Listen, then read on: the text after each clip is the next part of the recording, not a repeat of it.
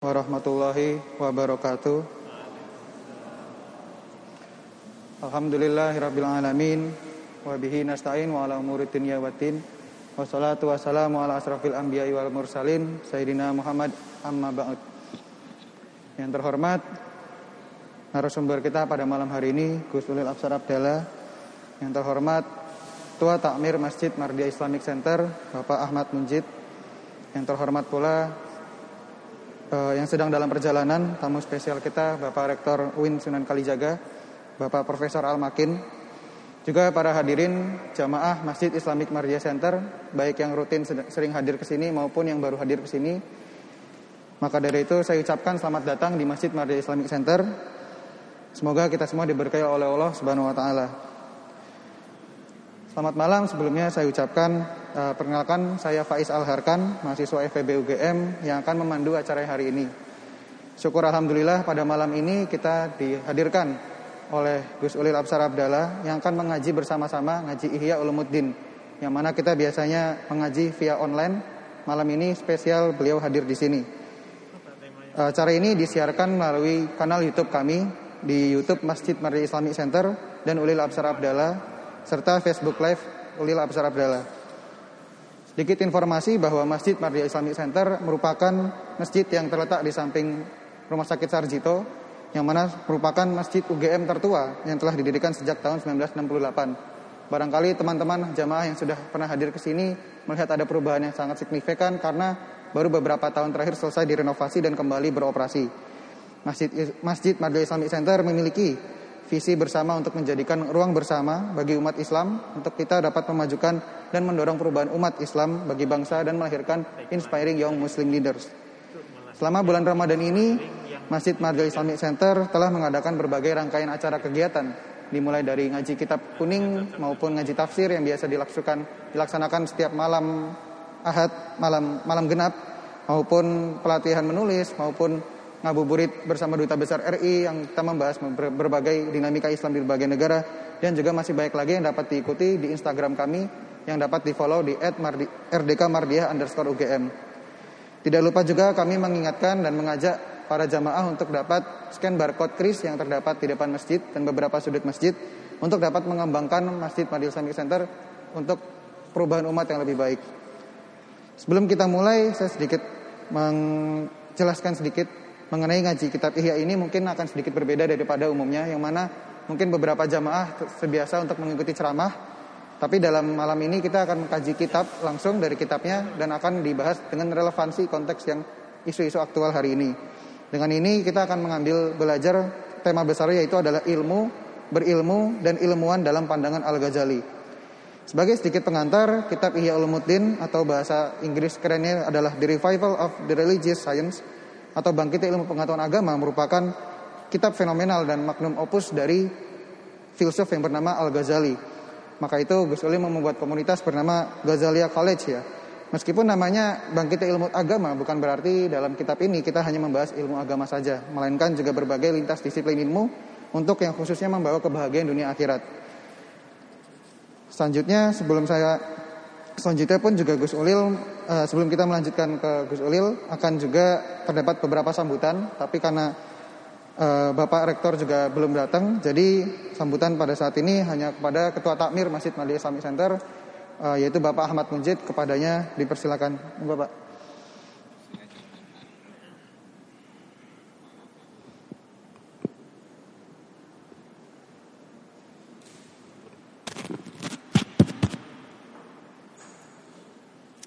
Bismillahirrahmanirrahim. Assalamualaikum warahmatullahi wabarakatuh. Alhamdulillahirrabbilalamin Wassalatu wassalamu ala asrafil anbiya'i wal mursalin Ala sayyidina Muhammadin wa ala alihi wa ashabihi ajma'in. Wa la hawla wa la quwata illa billahil aliyyil azim. Alhamdulillahirrabbilalamin Puji syukur kita panjatkan kehadiran Allah subhanahu wa ta'ala Malam hari ini ini untuk yang pertama kalinya kita mengadakan acara offline yang cukup banyak audiensnya uh, dan juga untuk yang pertama kalinya kopdar atau kopi darat ngaji isya ulumuddin uh, apa namanya Mas Kiai Haji Ulil Absar Abdallah juga yang pertama kalinya sejak pandemi. Jadi uh, alhamdulillah kita semuanya bersyukur bisa berkumpul pada malam hari ini untuk ngaji bersama-sama. Nah, Sugeng Rawuh Prof Almakin. Nih, monggo monggo di sini monggo. Monggo, silakan. Silakan. Alhamdulillah. Oke, Sugeng Rawuh. Terima kasih ini kerawuan Rektor UIN. Alhamdulillah. Uh, nah, saya jadi ingat apa rektor kita. ini Pak Rektor sebetulnya tadinya mau hadir, cuma ada undangan mendadak ke Kalimantan. Jadi beliau menyampaikan titip salam untuk Mas Ulil dan semua teman-teman belum bisa hadir malam hari ini. Insya Allah akan gabung pada kesempatan yang lain. Uh, teman-teman, Bapak dan Ibu, selanjutnya salawat salam senantiasa kita curahkan kepada Rasulullah Shallallahu Alaihi Wasallam yang menjadi apa role model kita yang menjadi teladan kita dalam uh, semua aspek kehidupan yang kita jalani termasuk nanti tentu ketika kita mengaji Ihya kita juga akan belajar uh, bagaimana Imam Al-Ghazali menerjemahkan ajaran Rasulullah, ajaran-ajaran Al-Qur'an. Uh, saya juga menyampaikan terima kasih untuk kehadiran Prof Ova yang malam hari ini menyempatkan waktu untuk hadir di tengah-tengah kita, matur nuwun dan Bapak Ibu dosen yang lain yang juga menyempatkan hadir pada malam hari ini. Alhamdulillahirabbil alamin. Jadi Bapak dan Ibu, ini ya kayak ketua RT saja ada sambutan tetapi tidak akan panjang-panjang. Intinya adalah bahwa kita semuanya bersyukur Masjid Mardiah ini sudah dua tahun berdiri tetapi belum beroperasi secara penuh karena uh, pandemi. Mudah-mudahan nanti setelah lebaran kita semua tetap sehat, kasus apa namanya makin melandai dan masjid ini beroperasi secara lebih penuh. Sebagai informasi, Masjid eh, Mardiah Islamic Center ini punya tagline yang bunyinya melahirkan inspiring young Muslim leaders. Nah, malam hari ini Mas Kiai Ulil Absar Abdullah akan menyampaikan tema yang kira-kira relevan dengan itu tentang uh, ilmu dan ilmuwan yang menurut perspektif apa Imam Ghazali. Teman-teman sekalian, kalau kita memperhatikan apa yang berlangsung di sekitar kita, ya kita tahu kalau dalam bahasa para waskito gitu, sebetulnya kita hidup di dalam zaman kolo bendu. Ada pandemi yang sudah berlangsung dua tahun, kemudian ada perang, ada berbagai macam krisis, krisis ekonomi, krisis politik, dan komunikasi sosial kita yang diwarnai oleh media sosial itu sangat penuh dengan berbagai macam hal yang sering kali bersifat permukaan tetapi berisik nggak karu-karuan. Ya makanya apa namanya uh, buzzer itu di mana-mana karena komunikasi kita komunikasi yang berisik. Di tengah-tengah situasi yang seperti itu, kita jarang sekali mendengarkan pikiran, memperhatikan pikiran, mendengarkan pikiran yang jernih. Karena itu kita berharap pada malam hari ini buah-buah pikiran dari Imam Al-Ghazali adalah buah-buah pikiran yang lahir melalui perjuangan yang panjang dan disampaikan oleh Mas Kiai Haji Ulil Absar Abdallah yang kita ikuti pengajian-pengajiannya lewat media sosial. Banyak mencerahkan kita semuanya sehingga mudah-mudahan di tengah arus yang begitu hiruk pikuk tetapi sangat berisik dan apa namanya eh, kita sering kehilangan makna kita bisa menemukan kembali makna suara yang jernih sehingga itu akan membantu kita untuk apa namanya menjalani kehidupan yang lebih baik terutama tentu bagi kita yang ada di kampus sebagai mahasiswa, sebagai dosen, sebagai ilmuwan, ilmuwan apa namanya dalam berbagai macam uh, bidang sehingga kita bisa bermain ber, memainkan peran secara lebih uh, baik. Baik, saya kira itu sekedar pengantar singkat dari saya. Ini saya minta sekaligus Mas Profesor Almakin juga untuk to say some words sebagai uh, pengantar. Jadi dari saya, saya cukupkan sekian. Nanti kita undang segera uh, Prof. Almakin. Assalamualaikum warahmatullahi wabarakatuh. Monggo Mas Makin. Baik, terima kasih pada Pak Ahmad Munjid atas sambutannya. Tes tes. Kami ucapkan juga selamat datang kepada Bapak Rektor UIN Seneng Kalijaga uh, sekaligus rektor sekaligus seniman biasanya orang banyak bilang ya. Yaitu Profesor Makin uh, atas perintah Ketua Takmir uh, monggo dipersilakan untuk dapat menyampaikan beberapa kata. Pada pada Prof Makin kepadanya persilakan. Kita sama-sama belangkonan nih. Bismillahirrahmanirrahim. Assalamualaikum warahmatullahi wabarakatuh. Alhamdulillah nahmaduhu wa nasta'inuhu wa nastaghfiruhu wa na'udzu billahi min syururi anfusina wa min sayyiati a'malina. Wassalatu wassalamu ala sayyidil anbiya sayyidil mursalin Muhammad sallallahu ala alihi wa ashabi wa ala ummati ajma'in. Amma ba'du. Terima kasih Pak Yai Munjid,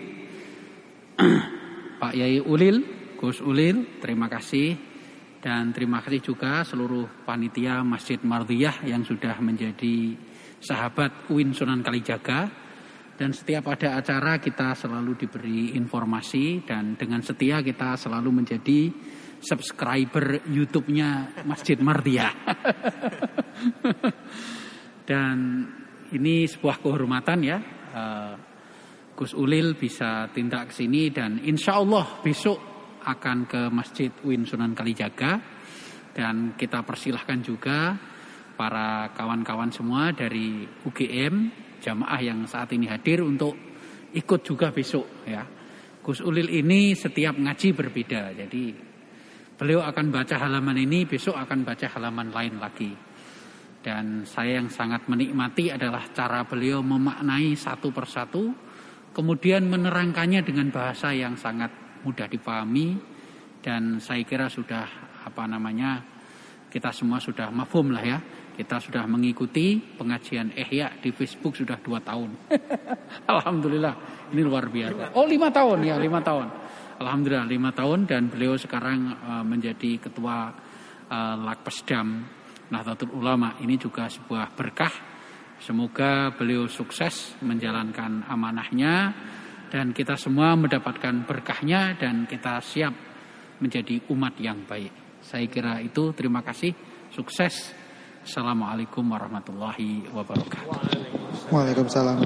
Saya akan menyimak. Terima kasih atas sambutannya Bapak Profesor Al Makin selaku Rektor UIN Sunan Kalijaga. Sebelum kita mulai pengajian mungkin para jamaah beberapa mungkin masih yang belum kurang asing dengan kurang akrab dengan Gus Ulil. Saya kira meskipun Gus Ulil di internet sudah sangat banyak, saya sedikit memperkenalkan Gus Ulil merupakan uh, salah satu cendikiawan intelektual Islam di Indonesia yang lahir di Pati pada 11 Januari 1997. Terkenal dengan pengajian rutinnya di online yaitu Ngaji Ihya Ulumuddin. Saat ini beliau menjabat sebagai Ketua Lembaga Kajian dan Pengembangan Sumber Daya Manusia di Pengurus Besar Nahdlatul Ulama atau Ketua Umum Lakpesdam Lakpesdam, Lakpesdam PBNU. Dahulu sempat menyantri di Madrasah Mataliul Falah Kajian Pati yang diasuh oleh Bahasa Al-Mahfuz lalu sempat berkuliah di Lipia, di Sekolah Tinggi Filsafat Triarkara dan Boston University.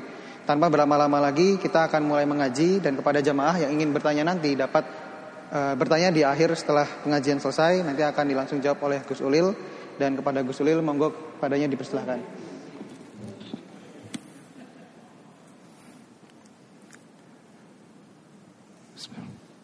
Assalamualaikum warahmatullahi wabarakatuh. بسم الله الرحمن الرحيم الحمد لله رب العالمين والصلاة والسلام على أشرف الأنبياء والمرسلين سيدنا وحبيبنا ومولانا وقرة أعيننا محمد وعلى آله وأصحابه ومن تبعهم بإحسان إلى يوم Rabbi syrah li sadri wa yassir li amri. Wahlul 'uqdatam min lisani yafqahu qawli. Rabbi zidna ilma warzuqna fahma. Amin ya rabbal alamin. Amma ba'du. Yang saya hormati Ketua Takmir Masjid Mardiyah UGM Dr. Ahmad Munjid.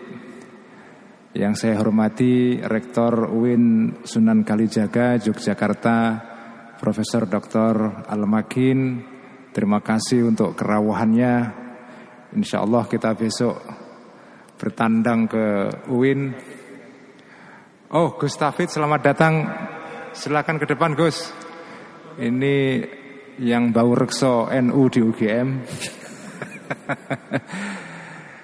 Gus, ke depan Gus.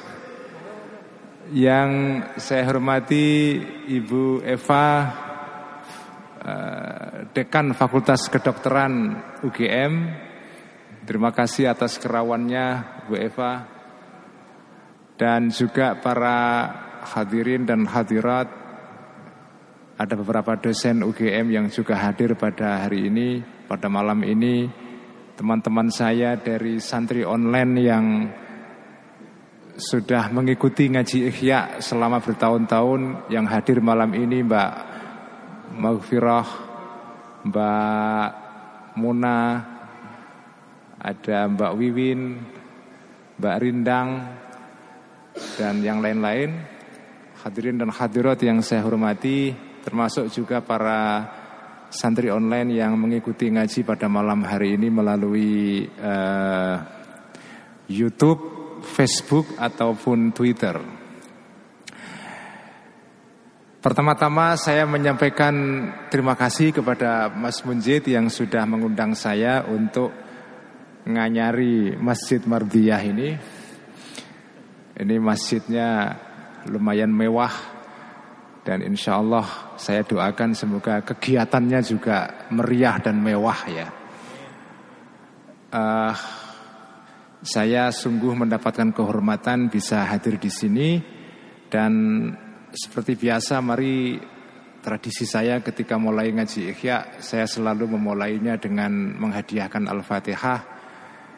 Pertama kita hadiahkan kepada junjungan kita Nabi besar Muhammad sallallahu alaihi wasallam kepada para istrinya, para keluarga dan sahabat at-tabi'in, tabi'ut tabi'in, al-auliya, asyuhada, as-salihin, al-a'immatil mustahidin, wabil khusus kepada Sultanil Auliya Asyam Qadir Al-Jilani, Al-Imam Al-Junaid Al-Baghdadi, Al-Syeikh Al-Akbar Muhyiddin Ibni Arabi, Al-Imam Abil Hasan Asyadili, dan juga kita hadiahkan Al-Fatihah kepada sahibil Ihya Hujjatil Islam Abi Hamid Al-Ghazali.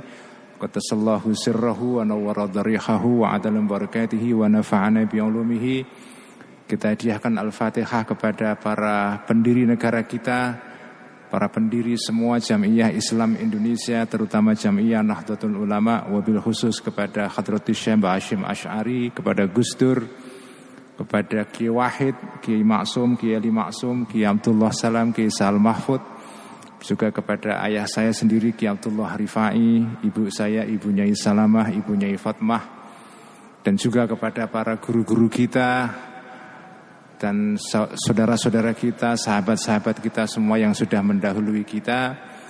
Ada permintaan Al-Fatihah khusus malam ini dari salah satu santri online yang uh, saudaranya sedang sakit agak lumayan keras, Mbak Hidayatul Tayyibah Semoga saudaranya diberikan kesembuhan oleh Allah Subhanahu wa taala.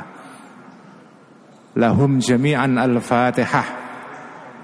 أعوذ بالله من الشيطان الرجيم. بسم الله الرحمن الرحيم. الحمد لله رب العالمين. الرحمن الرحيم. مالك يوم الدين. إياك نعبد وإياك نستعين. اهدنا الصراط المستقيم. صراط الذين أنعمت عليهم غير المغضوب عليهم ولا الضالين. آمين.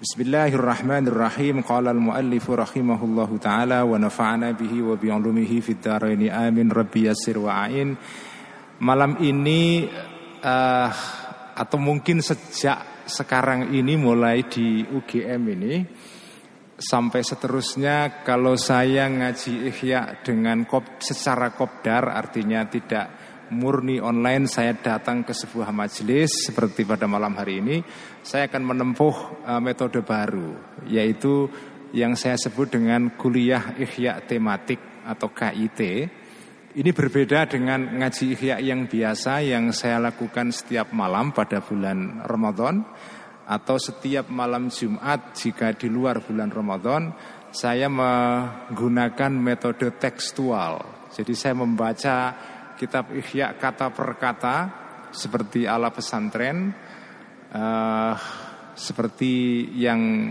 dilakukan oleh para santri-santri di pondok tradisional. Tetapi uh, karena ini adalah ngaji kopdar yang sifatnya mungkin tidak diikuti secara rutin oleh oleh jamaah yang ada di sini. Jadi saya membuat uh, pengajian dengan metode yang lain yaitu membahas sebuah tema dalam kitab Ihya yang mungkin relevan dengan dengan konteks atau dengan situasi yang saya hadapi. Nah, karena saya sekarang bicara di kampus dan ini adalah uh, masyarakat ilmiah, masyarakat ilmu, jadi saya akan berbicara mengenai soal ilmu. Kebetulan uh, pembahasan saya di dalam kuliah ikhya tematik pada minggu-minggu terakhir ini karena saya mengadakan kuliah ikhya tematik setiap hari Minggu pagi jam 6 uh, eh, seminggu sekali. Itu memang kuliah ihya tematik yang pendekatannya adalah mengambil sebuah tema lalu berasal dari kitab ihya juga tapi kita kembangkan dan kita bahas sesuai dengan konteks yang kita hadapi.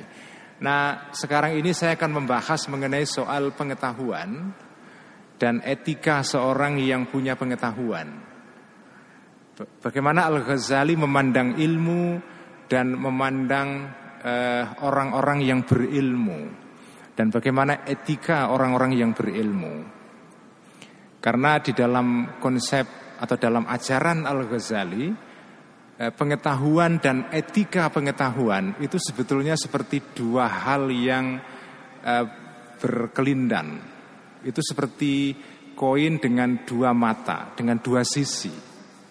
Jadi ilmu dengan etika berilmu, pengetahuan dengan etika pengetahuan itu tidak bisa dipisahkan. Nah, ini kontras saya kira ya dengan perkembangan dalam dunia modern.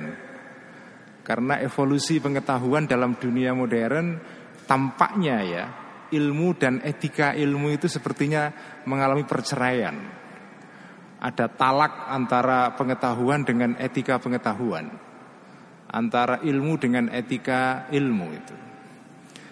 Nah, di dalam ajaran Islam atau dalam ajaran ulama kita pada masa klasik sebetulnya itu standar ilmu itu adalah ilmu dan etika itu satu paket. Jadi tidak bisa misalnya kita membayangkan ilmu atau orang berilmu dengan etika orang berilmu itu terpisah itu tidak bisa sama sekali. Ini beda dengan konsep pengetahuan di dunia barat misalnya. Di mana tindakan orang alim dengan ilmunya itu tidak boleh tidak sinkron.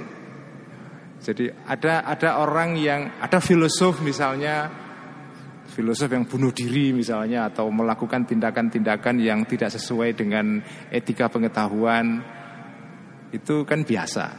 Di dalam uh, tradisi atau dalam konsep pengetahuan barat etika orang berilmu dengan ilmunya itu dipandang sebagai dua hal yang terpisah.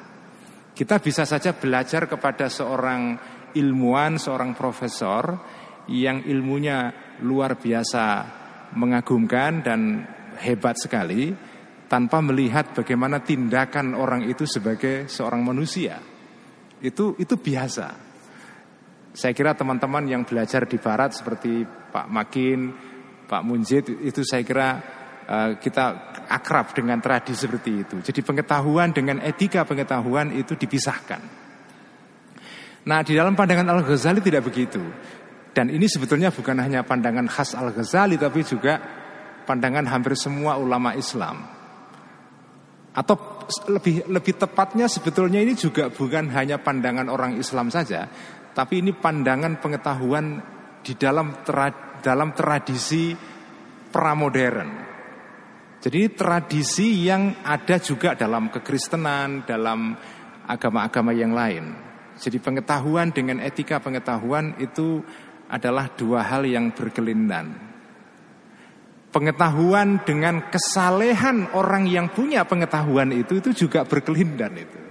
Jadi tidak bisa kita membayangkan ada seorang yang punya pengetahuan tetapi tindakannya tidak sesuai dengan etika yang dituntut oleh pengetahuan itu itu tidak bisa sama sekali.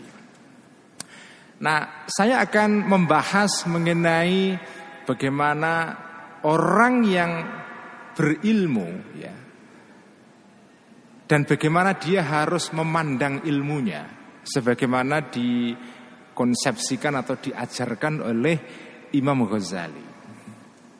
Ada 10 ajaran di sini. Tapi saya tidak yakin malam ini saya bisa membahas semua karena waktu kita terbatas. Saya hanya punya waktu sampai jam 10 Mas Munjid ya. Kalau sampai sahur mau saya teruskan sampai sahur ya. Tapi sahurnya ada nggak?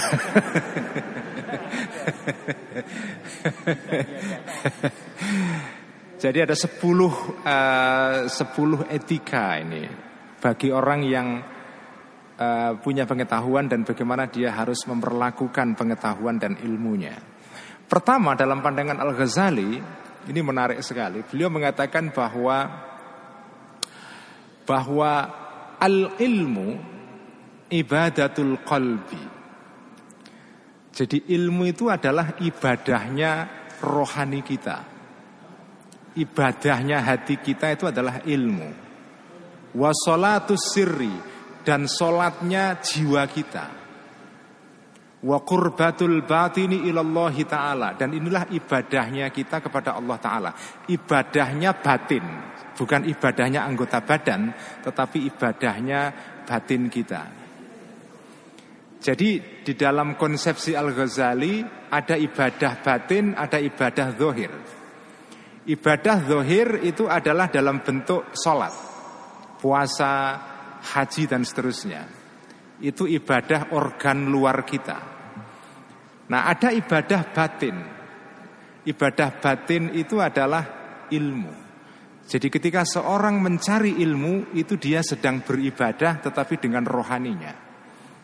Nah Al-Ghazali mengatakan sebagaimana ibadah zohir itu harus dilakukan dalam keadaan kita bersuci, artinya kalau kita mau sholat itu harus wudhu. Begitu juga ketika kita belajar, ketika kita ibadah batin melalui pengetahuan, itu juga harus bersuci.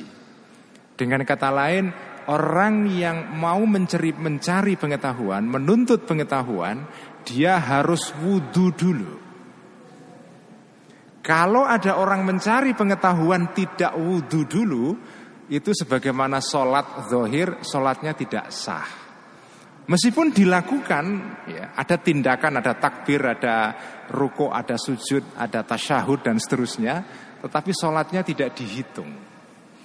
Jadi sebagaimana sholat zohir tidak sah tanpa wudhu, maka sholat batin, yaitu menuntut pengetahuan, belajar, ilmu itu juga tidak sah kalau kita tidak wudhu. Nah apa wudhunya batin kita itu? Wudhunya batin kita adalah membersihkan diri kita dari kotoran-kotoran yang mengotori jiwa kita. Apa itu kotoran-kotoran yang mengotori jiwa kita? Kotoran-kotoran itu yang paling berbahaya adalah mencari pengetahuan, menuntut pengetahuan, untuk tujuan-tujuan di luar Allah Subhanahu wa taala. Nah, ini memang kontras dengan pandangan di dalam pengetahuan modern. Dalam pengetahuan modern e, mencari ilmu itu ya tujuannya yang pokok bukan untuk Allah Subhanahu wa taala. Saya masih ingat salah satu ajaran yang selalu ditekankan oleh kiai saya dulu waktu masih di pondok pesantren itu belajar itu pertama-tama memang harus menata niat. Harus wudhu dulu. Wudhunya batin kita adalah dengan cara menata niat kita bahwa ilmu yang akan kita tuntut ini itu tujuannya adalah untuk Allah Subhanahu wa taala. Bukan untuk yang lain-lain. Saya dulu Pak Makin sekolah di madrasah yang melarang semua muridnya untuk ujian negeri. Haram itu ujian negeri itu. Sampai sekarang sekolah saya di Pati sana, asuhan almarhum Kiai uh, Sahal Mahfud yang pernah menjabat sebagai Rois Am Nahdlatul Ulama itu mengharamkan untuk untuk ikut ujian negara. Alasannya kalau kamu ikut ujian negara nanti kamu akan tergantung kepada gaji dari negara. Kamu meniatkan ilmu itu untuk mencari gaji. Mencari gaji tidak haram, tapi itu bukan tujuan utama. Dan beberapa orang dikeluarkan betul dari dari dari, dari madrasah saya itu. Ada beberapa teman yang dikeluarkan dari madrasah saya karena ketahuan ujian negara. Supaya niat, supaya wudhu batinnya tidak batal, yaitu mencari pengetahuan untuk tujuan-tujuan duniawi dilarang itu. Jadi karena ilmu itu adalah ibadatul qalbi, ilmu itu adalah ibadahnya batin kita, maka setiap ibadah harus dilakukan dengan atau dalam keadaan berwudu itu. Kalau tidak berwudu batal sholatnya. Wudhunya batin kita adalah menghadapkan hati kita semuanya kepada Allah Subhanahu wa taala. Ini semua sebetulnya ya bukan berarti bahwa pengetahuan itu tidak boleh dituntut dengan pamrih yang di, yang sifatnya duniawi sebetulnya tidak dilarang. Tetapi jangan sampai itu menjadi tujuan utama. Nah, problemnya kan di dalam dunia modern tujuan yang bersif, bersifat ilahiyah ini itu tidak penting sama sekali itu. Karena pengetahuan di dalam dunia modern itu kan pengetahuan yang dalam bahasa sekarang ya disebut dengan pengetahuan pasca metafisika. Artinya sudah nggak penting itu niat-niat atau pamrih untuk tujuan-tujuan ukhrawi itu nggak penting lagi. Ya pengetahuan tujuannya adalah untuk meraih kesuksesan di dunia sekarang, untuk me memenangkan kompetisi global misalnya. Ya, ya itu niat-niat itu boleh saja diraih, tetapi kalau di dalam tradisi pengetahuan yang diajarkan oleh para ulama tradisional kita, terutama Al Ghazali ini, itu itu nggak benar. Justru pengetahuan pertama-tama harus diarahkan untuk tujuan ukhrawi sebelum tujuan-tujuan yang bersifat duniawi.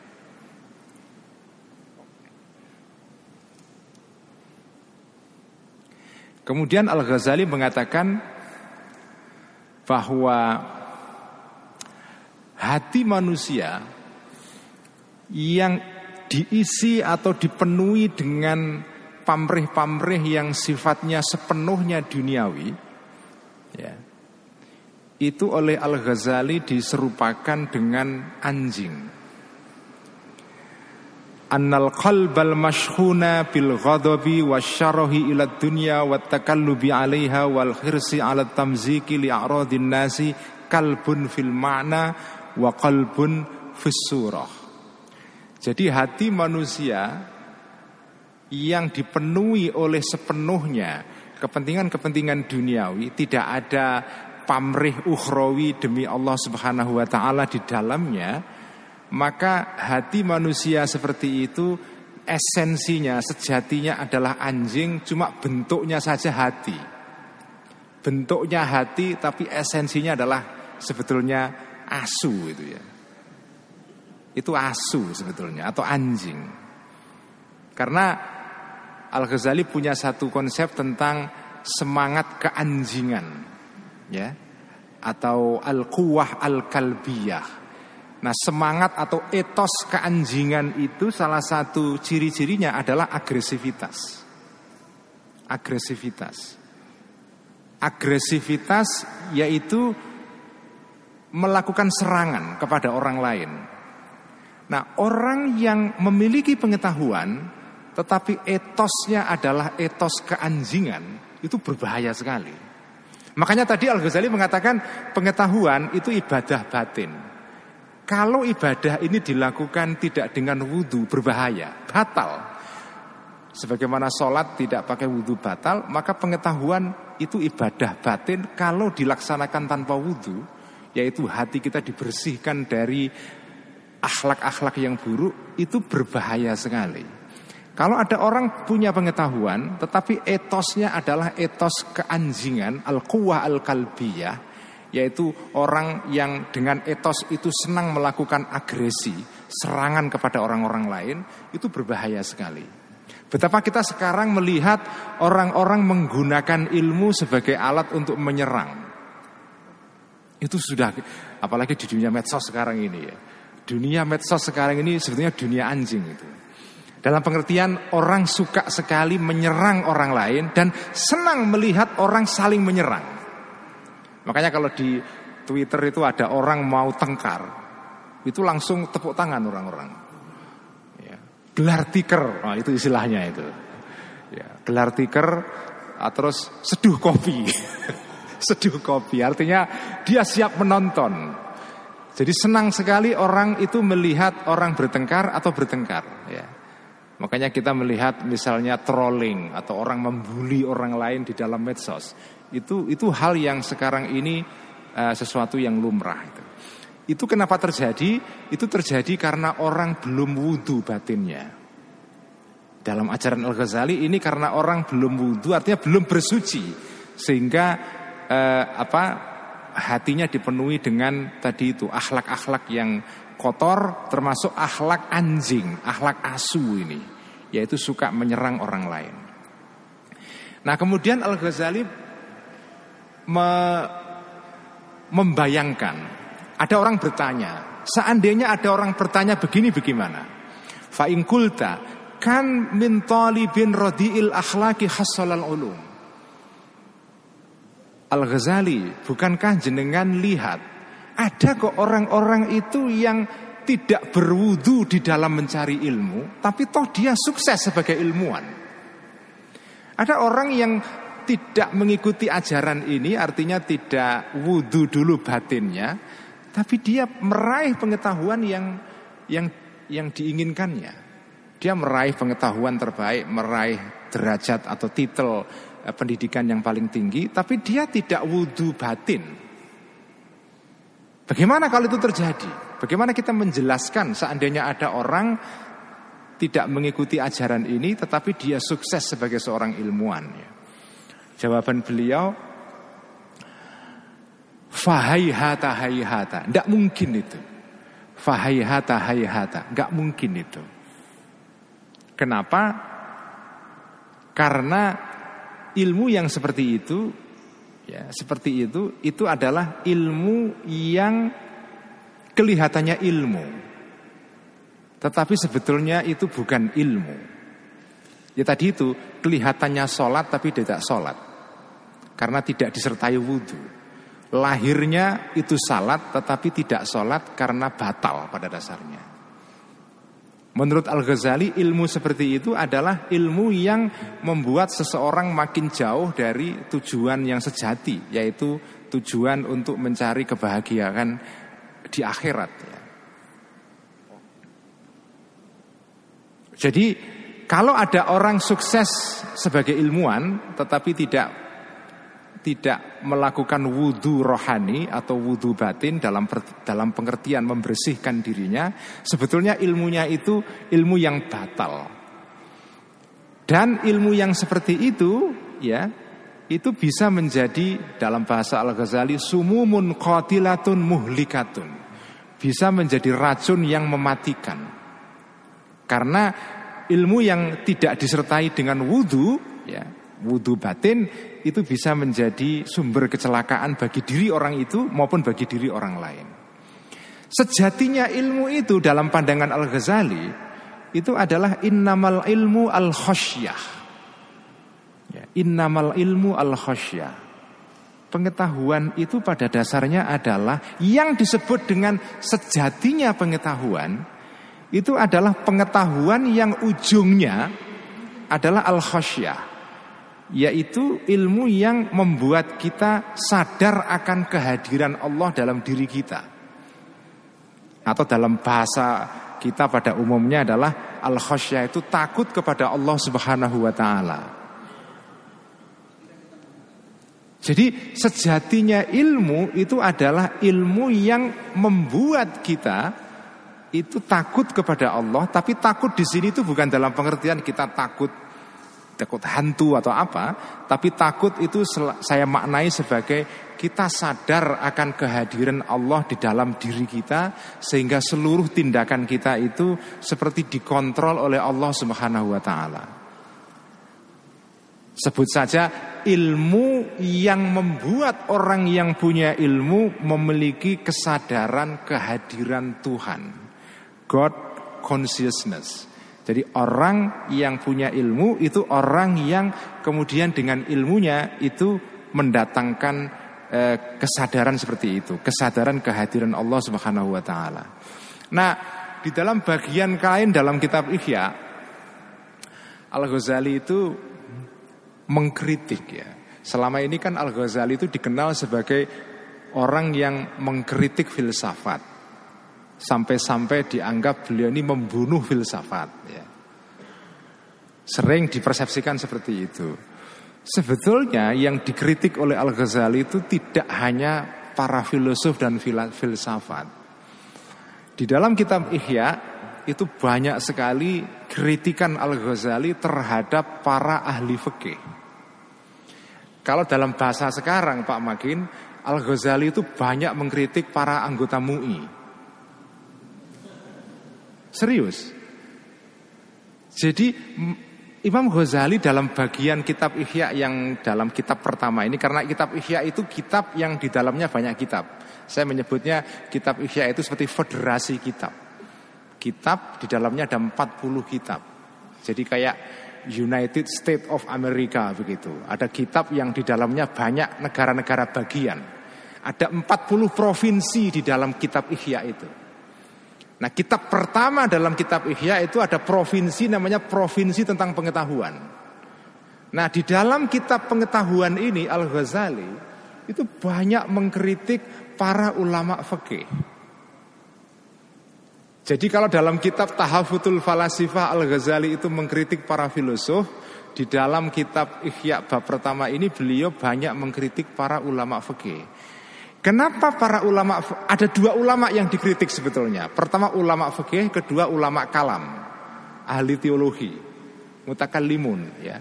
Termasuk juga ahli filsafat di dalamnya. Nah, tetapi yang paling banyak mendapatkan serangan dari Al-Ghazali itu adalah ulama fikih atau al-fuqaha atau kiai lah kalau bahasa kita sekarang atau majelis ulama Indonesia ini ya. Saya kadang-kadang kalau ingat begini ini Al Ghazali ini kok kayak Gusmus ya. Karena Gusmus kan dikenal sebagai orang yang banyak kritik MUI kan. nah, Al Ghazali ini mengkritik Fukoha karena alasannya adalah kita tahu ilmu fikih itu ilmu yang pada zamannya dan juga sampai sekarang ini ini ilmu premium. Seperti di Amerika fakultas hukum. Profesi lawyer di Amerika itu luar biasa gengsinya tinggi. Karena itu uh, law school atau fakultas hukum kalau di Amerika itu termasuk fakultas yang bergengsinya tinggi. Kalau di Amerika itu law school itu bahkan kampusnya itu tersendiri itu. Betul kan Pak Makin ya? Eh, Pak Makin di Jerman, tapi pernah juga di Kanada. Kalau di Amerika Mas Mujid tahu ini. Di Amerika itu fakultas-fakultas lain itu gedungnya biasa.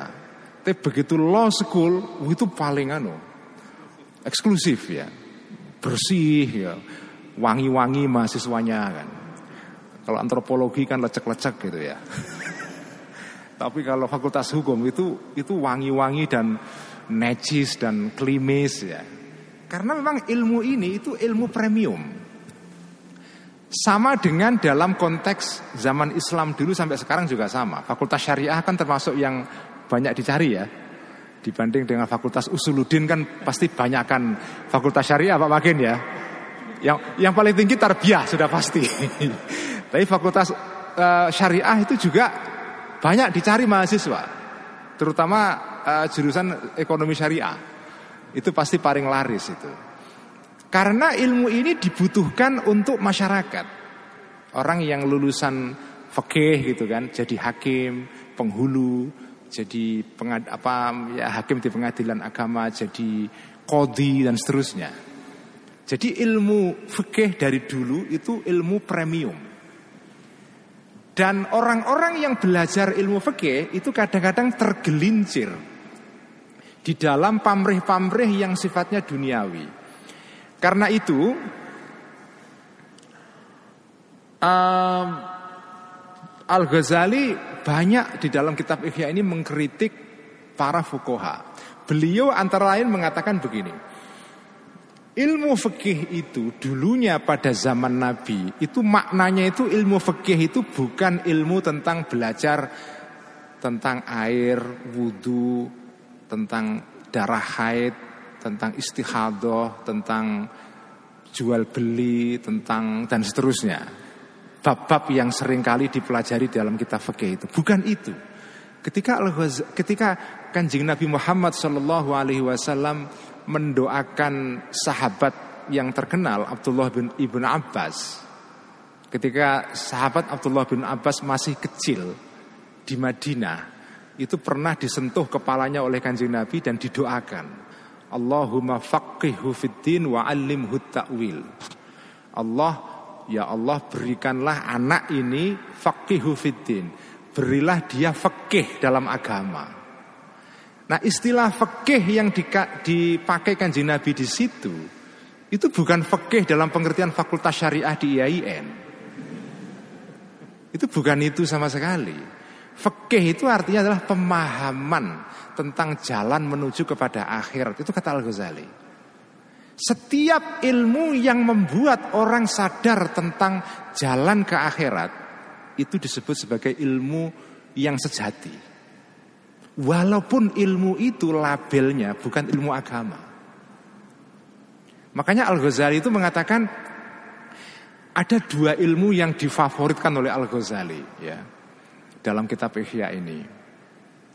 Pertama adalah ilmu fikih, tapi dalam pengertian tadi itu fikih yang membuat kita sadar tentang jalan kita menuju akhirat. Yang kedua ilmu kedokteran.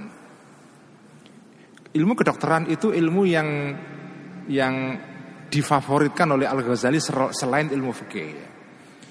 Kenapa? Karena ilmu kedokteran itu adalah ilmu untuk mengurus, mengurusi kesehatan batin kita, uh, luar kita, uh, organ tubuh kita di luar ya. Sementara ilmu fikih atau ilmu tasawuf ya, terutama ilmu tasawuf itu adalah ilmu kedokteran batin.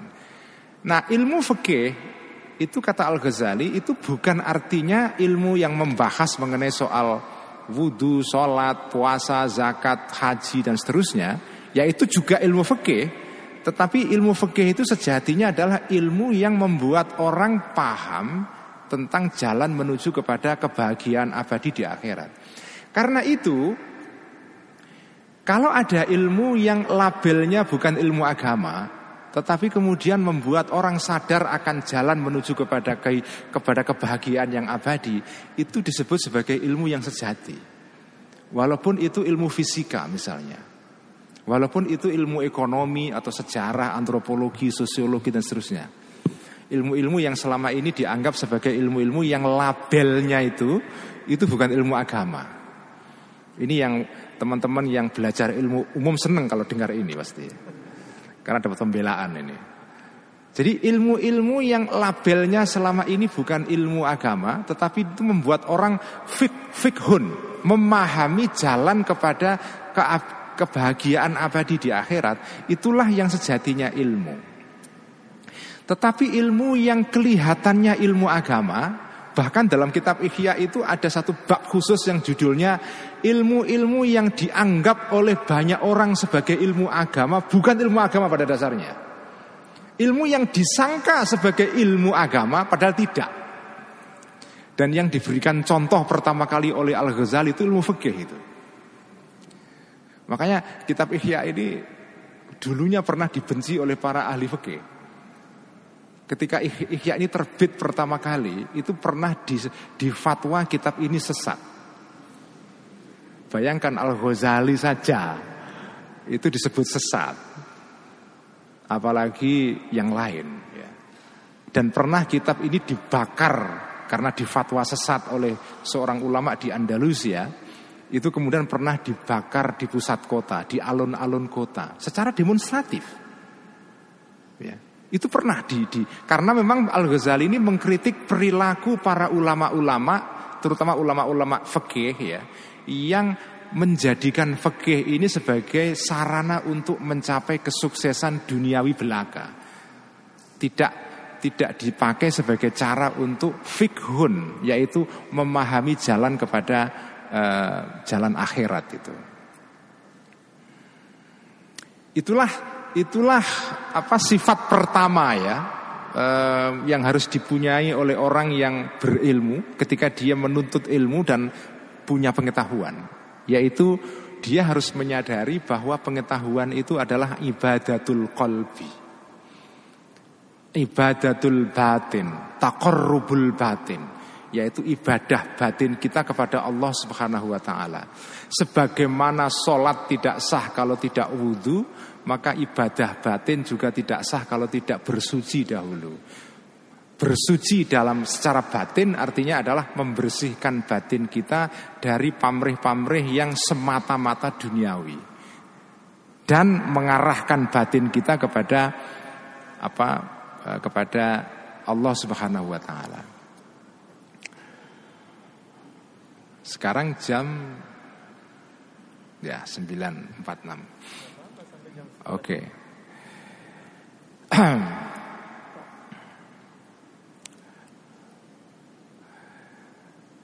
Kemudian kedua ya, salah satu etika atau tata cara atau ya etos yang harus ditanamkan oleh orang yang punya pengetahuan adalah ya yang kedua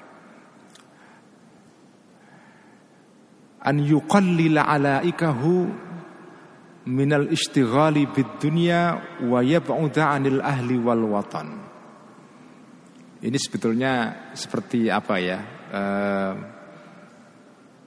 tata cara ketika orang memulai belajar. Jadi ketika orang belajar menuntut ilmu itu dia harus mengurangi sebisa mungkin, meminimalisir al-alaik ad-dunyawiyah, hubungan-hubungan yang sifatnya duniawi. Ini ya hampir persis dengan etika yang pertama tadi itu sebetulnya Yaitu bersuci secara batin tadi itu. Jadi memang konsepsi pengetahuan di dalam konsep tradisional ala ulama di pesantren itu memang ya.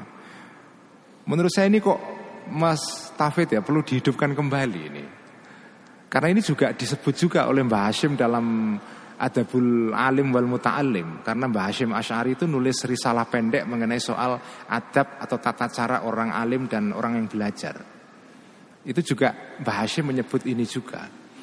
Jadi orang konsepsi belajar di dalam konsepsi tradisional itu memang Itu ilmu itu tidak diniatkan untuk Untuk dampak duniawi memang Baru di dalam di dalam masyarakat modern saya kira ada konsep link and match itu loh ya.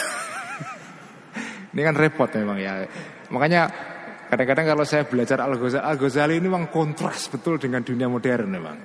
Dan menurut saya konsep seperti konsepsi seperti ini menurut saya kok perlu diangkat ke permukaan kembali sebagai alternatif ya. Jadi pengetahuan di dalam konsepsi ulama kita itu bukan justru bukan link and match. Dalam pengertian pengetahuan itu tujuannya memang bukan untuk mencari pekerjaan. Pekerjaan itu mengikut ya, sekunder. Tetapi yang primer adalah pekerjaan apa pengetahuan itu dicari karena ini adalah ibadatul kolbi tadi itu. Ibadah batin kita untuk menyembah Allah Subhanahu wa taala.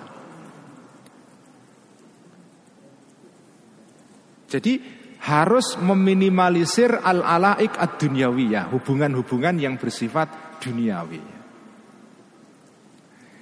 Karena seperti ditegaskan oleh Allah Subhanahu wa taala dalam sebuah ayat, Maja'alallahu li rajulin min qalbaini fi jawfihi. Allah itu tidak menciptakan dua hati di dalam diri manusia. Artinya hati yang satu untuk dunia, yang satu untuk akhirat. Hati kita itu cuma satu, sehingga terpaksa harus ada prioritas. Karena kalau hati diisi dua tujuan, kalau hati kita dikuasai oleh dua tuan, oleh dua majikan, itu nggak bisa.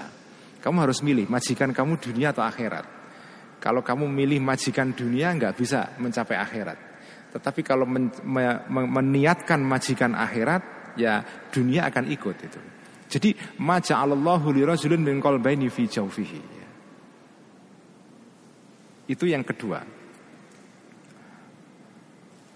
Yang ketiga, dan ini semangat yang saya kira mungkin uh, sudah agak aneh pada zaman ini, yaitu seorang yang punya pengetahuan itu dia tidak boleh Allah yatakabbara alal ilmi. Tidak boleh bersikap sombong kepada ilmu dan orang yang punya pengetahuan. Ala muallimin. Dia tidak boleh merasa menjadi seorang amir atau apa ya raja ya menjadi pemimpin terhadap orang yang menjadi gurunya dia karena itu di dalam konsep uh, pengetahuan tradisional ya seorang guru itu memang tidak dipandang sebagai guru saja guru itu adalah semacam pusat kehidupan kita Guru itu mursyid, petunjuk atau penunjuk jalan bagi hidup, bagi diri kita untuk mencapai kebahagiaan dunia dan akhirat itu. Jadi, jadi seorang seorang guru di dalam konsepsi pengetahuan sebagaimana dipahami oleh para ulama kita, guru itu tidak sekedar hanya sumber pengetahuan, tetapi juga sumber petunjuk itu. Karena itu istilahnya bukan bukan sekedar mualim atau ustadz, tapi guru itu adalah mursyid. Guru itu adalah master. Guru adalah petunjuk sebetulnya. Seorang guide yang menunjukkan kita jalan kepada kehidupan abadi di di akhirat itu. Imam Ash-Sha'bi seorang tabi'in yang terkenal ya, beliau menceritakan riwayat ini. Pada suatu hari Zaid bin Thabit salah seorang sahabat ya, itu sholat menyolati seorang jenazah. Setelah selesai sholat jenazah, kemudian eh, kendaraannya yaitu berupa apa itu keledai itu didekatkan kepada Thabit Zaid bin Thabit ya untuk dinaiki. Kemudian pada saat itu Imam Ibnu Abbas yaitu Abdullah bin Abbas sahabat yang terkenal tadi itu. Kemudian sebelum Zaid bin Thabit itu mau naik ke keledainya, eh, sahabat Abdullah bin Abbas kemudian memegangi tali yang tali kendalinya apa eh, keledai tadi itu supaya tenang dan tidak bergerak-gerak supaya Zaid bin Thabit bisa naik ke apa itu ke ke keledainya. Kemudian Zaid bin Thabit mengatakan kepada Abdullah bin Abbas itu, apa yang kau kerjakan wahai Abdullah bin Abbas? Biarkan saja keledai saya, nggak usah kamu pegangi itu. Kemudian Abdullah bin Abbas menjawab begini,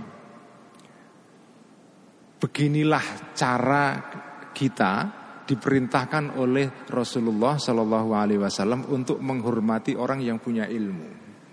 Jadi orang punya ilmu harus dihormati. Karena itu saya memegangi kendaraan kamu supaya kamu bisa naik ke keledai kamu tidak bergerak-gerak itu. Kalau sekarang ya membukakan apa? Pintu lah ya, pintu mobil. Saya karena semula Zaid itu mungkin merasa ngapain gitu kan. Enggak, inilah cara kanjeng Nabi memerintahkan kita bagaimana kita menghormati orang alim. Kemudian Zaid bin Thabit turun dari keledainya, kemudian mencium tangannya Abdullah bin Abbas.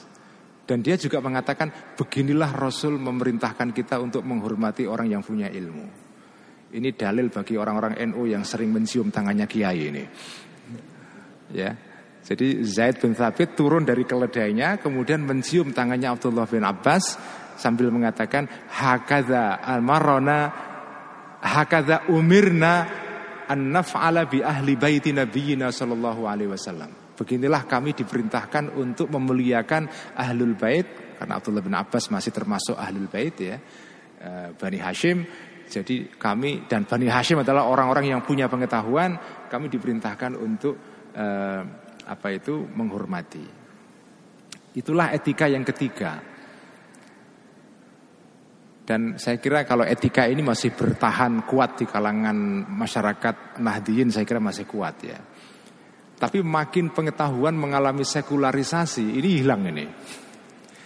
Makanya menghormati dosen atau menghormati orang yang punya ilmu itu pelan-pelan hilang.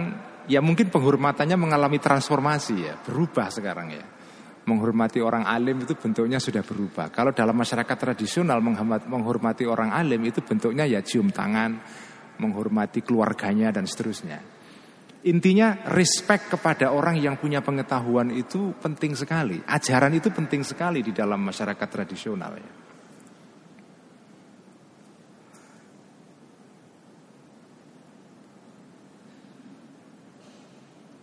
Nah, yang keempat ya, yang keempat, ini juga etika yang ditanamkan. Harus ditanamkan bagi orang yang menuntut pengetahuan ya.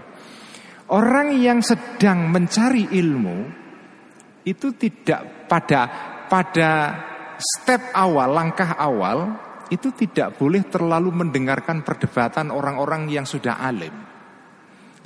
Nggak boleh itu. Karena itu kalau orang baru S1 itu sebaiknya dengarkan saja dosennya.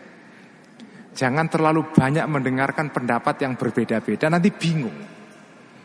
Kalau sudah S2, S3 baru ada perbandingan madhab dan segala macam. Jadi an yahtarizal khaidu fil ilmi fi mabda'il amri anil isgha'i ila ikhtilafin. Jadi dan saya kira ini yang menjelaskan kenapa ya di pesantren-pesantren pada tingkat awal itu para santri tidak diajari tentang misalnya perbandingan madhab. Karena kalau dari awal diajari perbandingan madhab orang bingung. Dan ini juga sekaligus pelajaran bagi kita juga ya. Kalau jenengan itu orang awam, itu sebaiknya memang tidak terlalu banyak mendengarkan perbedaan pendapat di antara orang alim. Karena kalau orang awam itu yang dibutuhkan sebetulnya adalah satu orang alim yang menjadi panutan dia. Karena itu Al-Ghazali itu menjelaskan dalam kitab Ihya, orang awam itu wajib istihad. Orang alim juga wajib istihad. Cuma ada perbedaan antara istihadnya orang alim dan orang yang awam. Orang awam kayak kita ini itu wajib istihad mencari orang alim yang akan menjadi panutan. Orang alim wajib beristihad dengan ilmunya. Jadi orang awam pun itu wajib istihad, artinya wajib mencari, berusaha dengan sepenuh tenaga untuk mencari panutan dia. Kalau sudah ketemu ya sudah, diikuti. Jangan kemudian pindah ke sana kemari nanti bingung. Nah, ketika kita sudah menemukan siapa yang menjadi panutan kita, kita pegangi ya, kita pegangi. Tetapi sebaiknya kalau jenengan ini kelasnya kelas awam, ketika jenengan sudah ketemu panutan, itu jangan juga mencela panutannya orang awam yang lain. Jadi misalnya saya orang awam, Mas Munjid orang awam. Saya mencari istihad, ketemu misalnya Gusmus panutan saya.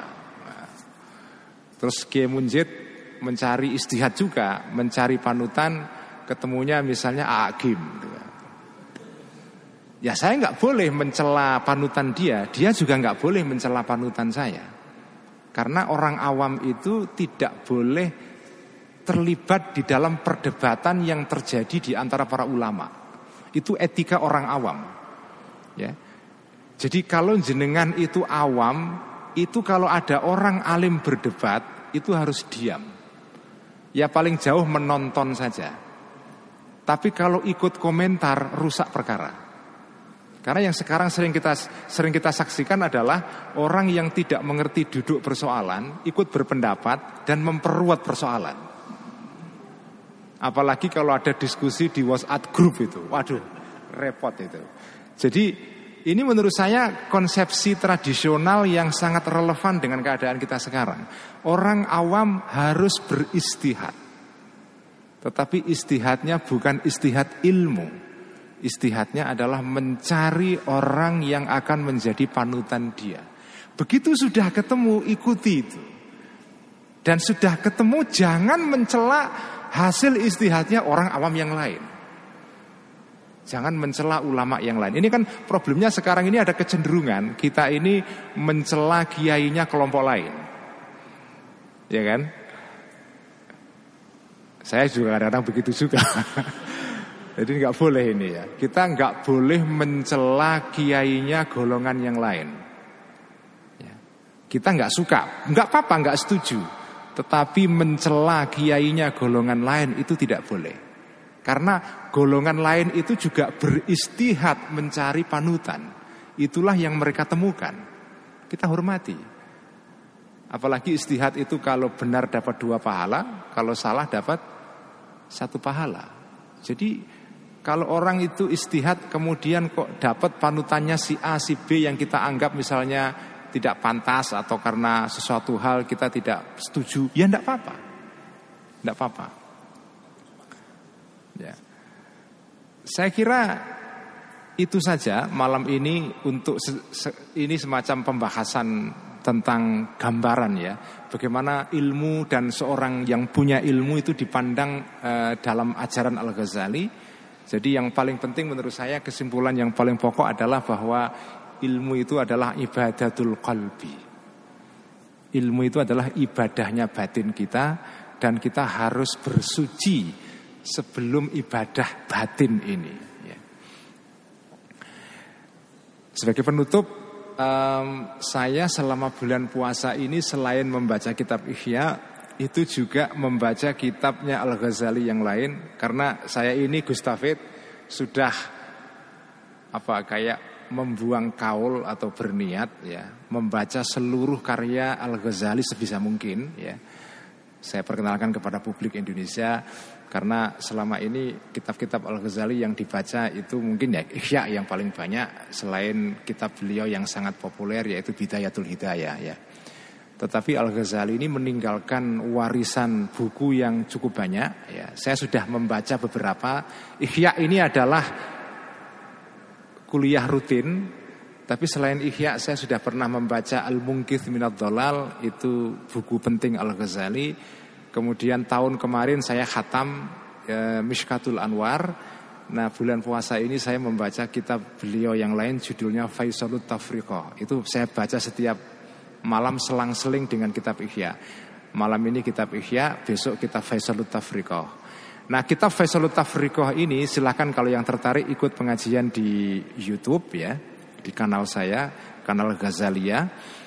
Uh, kitab Faisalut Tafriqah itu menurut saya tepat sekali untuk konteks zaman sekarang ini karena Al-Ghazali dalam kitab ini itu semangatnya itu adalah mengajak agar, agar orang Islam itu bersifat toleran terhadap perbedaan antar golongan dalam umat Islam. Jadi saya menyebutnya toleransi internal. Sebagaimana tadi Al Ghazali mengatakan bahwa apa namanya uh, orang harus menghormati istihadnya orang lain, nggak boleh mencela ulamanya golongan lain yang dihasilkan berdasarkan istihad dia.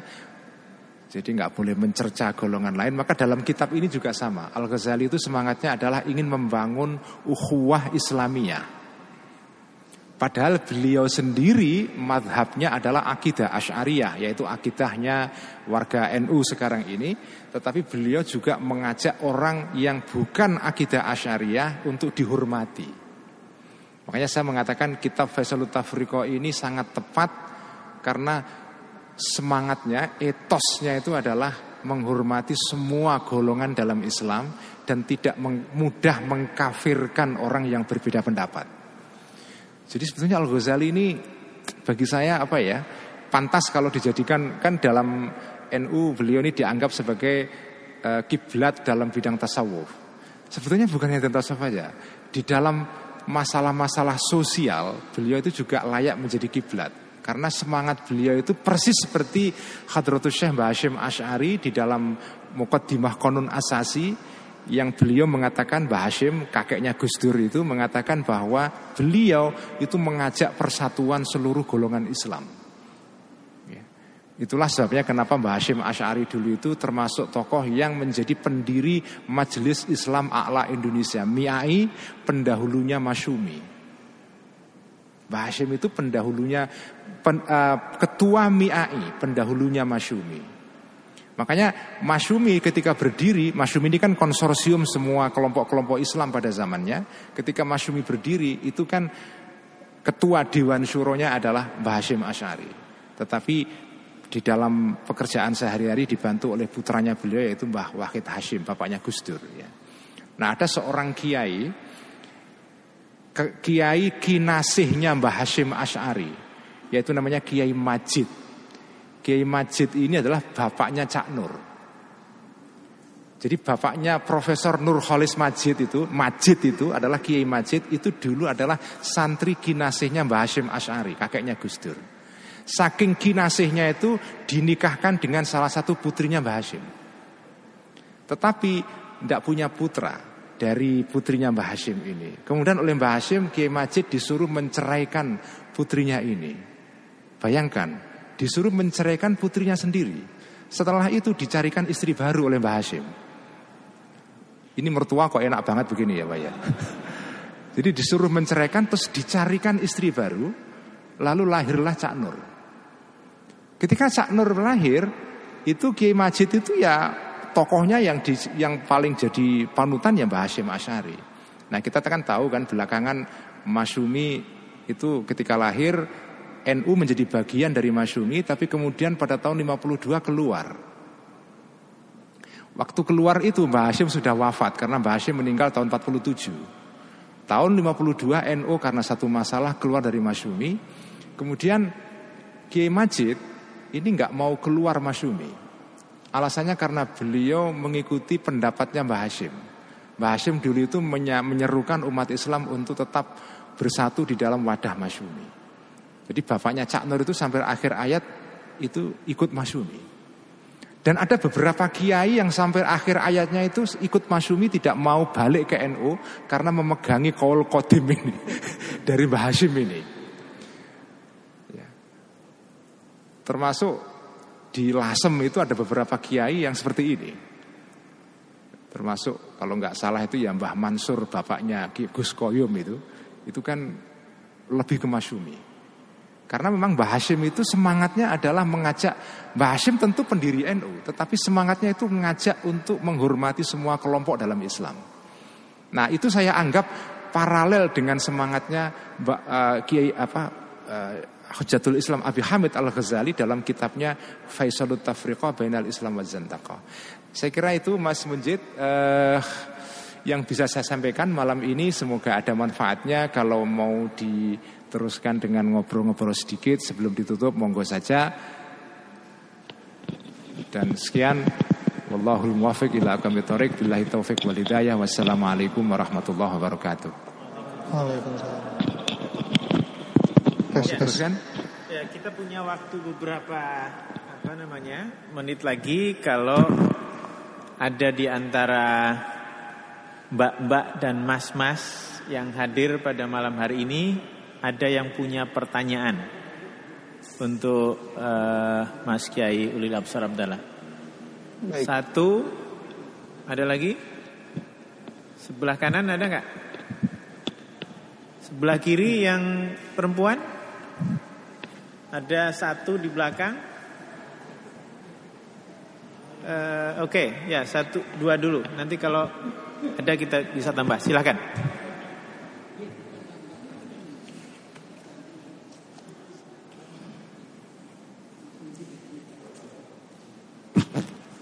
Belum bunyi mikrofonnya.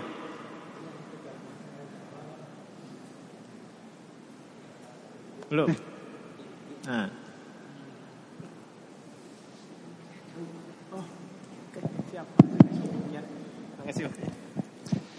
Assalamualaikum warahmatullahi wabarakatuh. Terima kasih waktunya sudah diberi kesempatan untuk menanyakan kepada Pak Kiai Uh, tadi menjinggung masalah tentang keilmuan yang ada uh, di zaman sekarang ya. Saya mau mempertanyakan pendapat panjenengan tentang fenomena sekarang banyak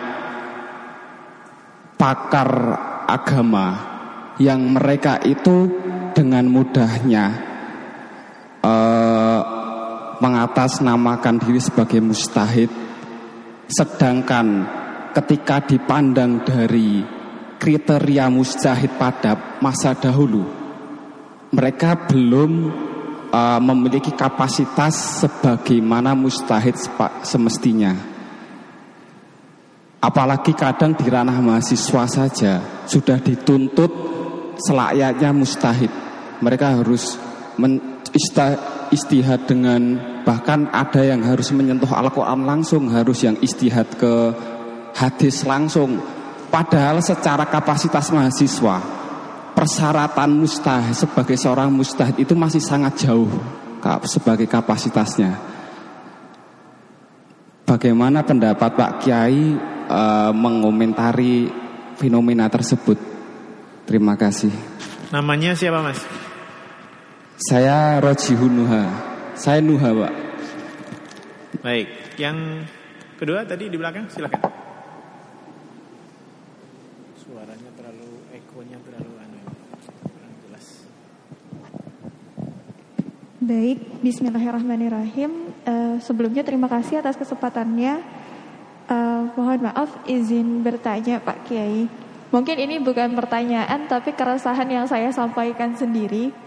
Karena yang ini saya tanyakan adalah jika seorang penuntut ilmu agama yang masih awam dan baru mulai belajar lalu dihadapkan pada perbedaan pendapat antara satu guru dengan guru lainnya, maka pendapat mana yang sebaiknya diambil dan guru mana yang lebih baik untuk dipilih dulu gitu agar tidak menimbulkan kebingungan. Apakah guru yang cenderung memberikan kemudahan dalam hal-hal yang diajarkannya dalam ilmu agama atau guru yang lainnya gitu? Karena keresahan yang saya alami, saya bingung pak e, untuk memilih yang mana gitu ikutnya. Terima kasih. Cukup jelas yang kedua. Uh, ada yang lain? Ya, ini gimana? Mau mau sampai berapa orang? Tiga. Jadi. Uh, apa namanya yang ya tengah dulu silakan tiga orang karena sudah jam 10 lewat. Uh, Assalamualaikum warahmatullahi wabarakatuh. Sebelumnya terima kasih uh, Pak Yai sudah diberikan waktu untuk bertanya. Perkenalkan saya Yusril.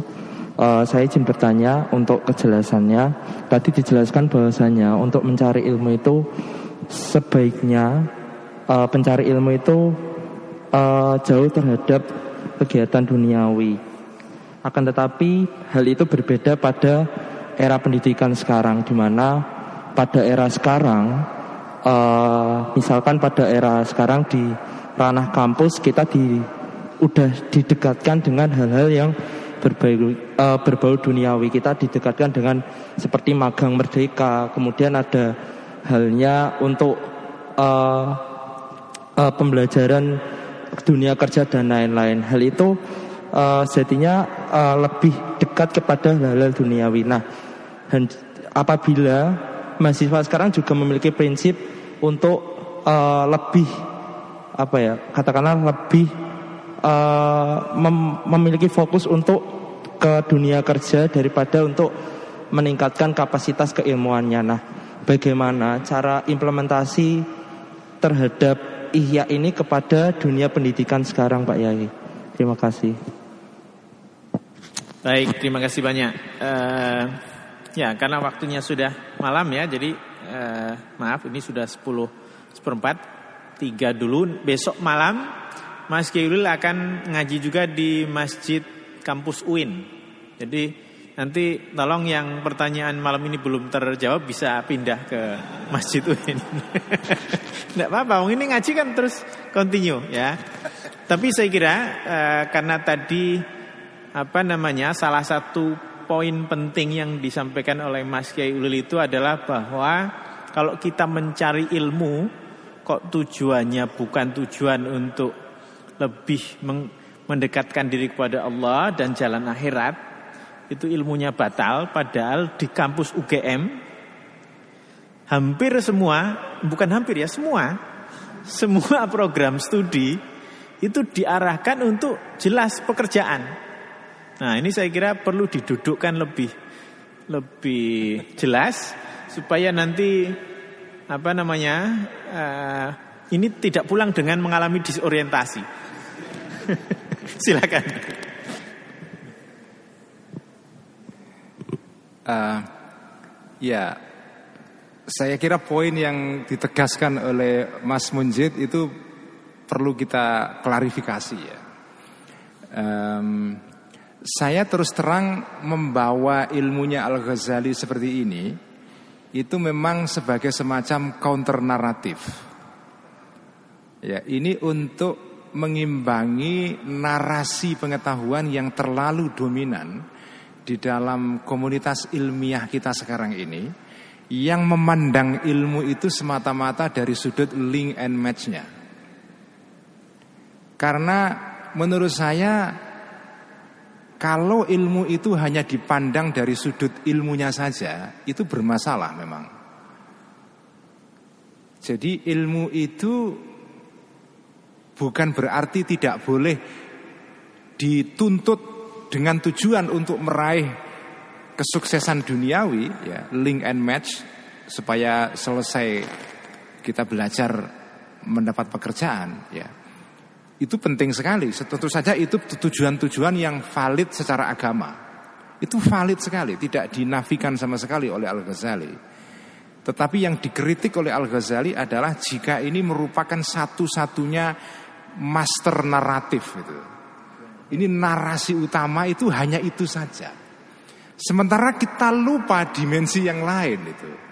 Makanya ilmu wawasan Ghazalian ini ini wawasan untuk mengimbangi supaya kita tidak terjerat di dalam narasi utama bahwa ilmu itu dicari memang tujuannya adalah untuk pekerjaan.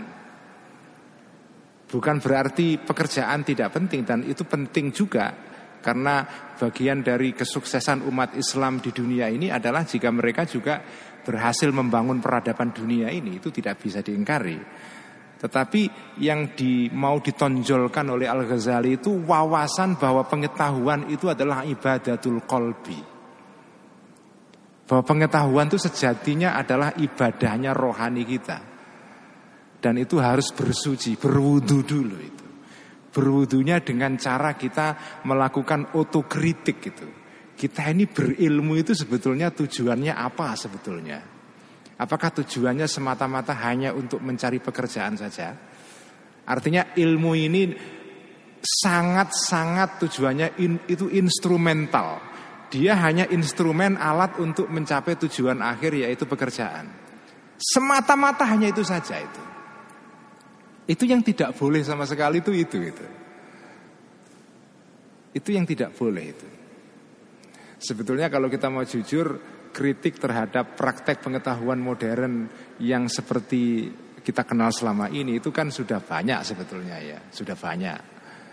Ya, sudah banyak. Dulu ada seorang uh, intelektual dari barat namanya Ivan Illich ya kalau pernah dengar ya Ivan Illik itu itu juga mengkritik sekolah ya. Makanya dia menganjurkan apa namanya deschooling society gitu ya. Masyarakat yang apa ya um, melawan sekolah itu karena sekolah sudah melenceng dari tujuan dasarnya. Ya Al Ghazali sih tidak sampai se schooling society enggak sih ya. Tetap sekolah, cuma sekolah cuma sekolah niatnya benar gitu loh ya. Itu itu itu ya. Dan saya kira tuh makanya saya mengatakan ilmu tasawuf itu ilmu yang kita butuhkan di zaman modern ini Karena tinjauannya itu selalu bukan yang kelihatan saja, bukan dunia ini gitu. Ada dimensi lain yang menjadi perhatian juga. Dan itu kita butuhkan betul sekarang ini. Karena kan kalau manusia itu semata-mata dikuasai oleh dimensi duniawi saja, itu betul-betul sempit sekali itu wawasan dan paradigmanya gitu. Seolah-olah ilmu itu ya, makanya sekarang ini ilmu itu dalam perkembangan modern itu kan mengalami reduksi yang luar biasa ya. Misalnya sekarang ini bahkan sudah ada kecenderungan ilmu-ilmu yang tidak punya manfaat teknis itu itu kan dipandang dengan sebelah mata. Ilmu-ilmu sosial itu kan apa itu gunanya? Bikin orang demonstrasi saja itu kan. Sekarang kan ada pandangan yang agak sedikit meremehkan kepada ilmu-ilmu sosial. Apalagi ilmu-ilmu yang disebut dengan ilmu humaniora. Itu jelas itu. Hasilnya apa itu nggak jelas itu. Nah jadi sekarang ada ada eh, apa kecenderungan untuk meremehkan ilmu-ilmu yang tidak punya manfaat teknis itu. Ilmu politik, sejarah, sosiologi, ilmu antropologi itu dianggap sebagai ilmu-ilmu yang bahkan sekarang kalau di Amerika ilmu-ilmu yang rawan mengalami pengurangan budget besar-besaran. Budget cut itu kan gara-gara kemarin pandemi krisis ekonomi itu, itu ilmu-ilmu seperti ini itu terancam itu. Di Australia misalnya sekarang ini pelajaran bahasa Indonesia itu dikurangi habis-habisan. Karena dianggap hanya menghabis-habiskan uang saja hasilnya nggak jelas itu. Jadi sekarang ada kecenderungan ilmu itu yang dianggap bermanfaat hanya ilmu-ilmu yang langsung punya manfaat teknis itu. Tapi ilmu-ilmu yang memperkaya rohani kita itu nggak dianggap ilmu. Nah ini menurut saya di tengah-tengah kecenderungan seperti ini Itu semangat Ghazalian seperti ini Itu perlu dibangkitkan kembali Bahwa pengetahuan itu pada dasarnya adalah ibadatul qalbi itu aktivitas rohani. Bukan sekedar alat untuk mencapai kesuksesan teknik gitu. Mengatasi tentu saja penting ya. Kita pada zaman pandemi sekarang ini butuh ilmu-ilmu untuk menyelesaikan masalah pandemi. Itu jelas penting sekali. Tetapi kalau menganggap ilmu itu hanya itu saja, itu yang berbahaya itu. Jadi makanya menurut saya Al-Ghazali ini penting kita hidupkan semangatnya untuk menyadarkan kita terus-menerus bahwa pengetahuan itu pada dasarnya adalah ibadatul qalbi. Ibadah rohani, aktivitas mental kita yang itu harus dilakukan dengan tujuan utama yaitu beribadah kepada Allah Subhanahu wa taala. Nah, pertanyaan berikutnya adalah tadi saya agak sedikit bergaung ya, tapi saya menangkap pertanyaan berikutnya tadi itu soal kalau kita berhadapan dengan banyak ulama, kiai yang berbeda pendapat, itu milih yang mana itu?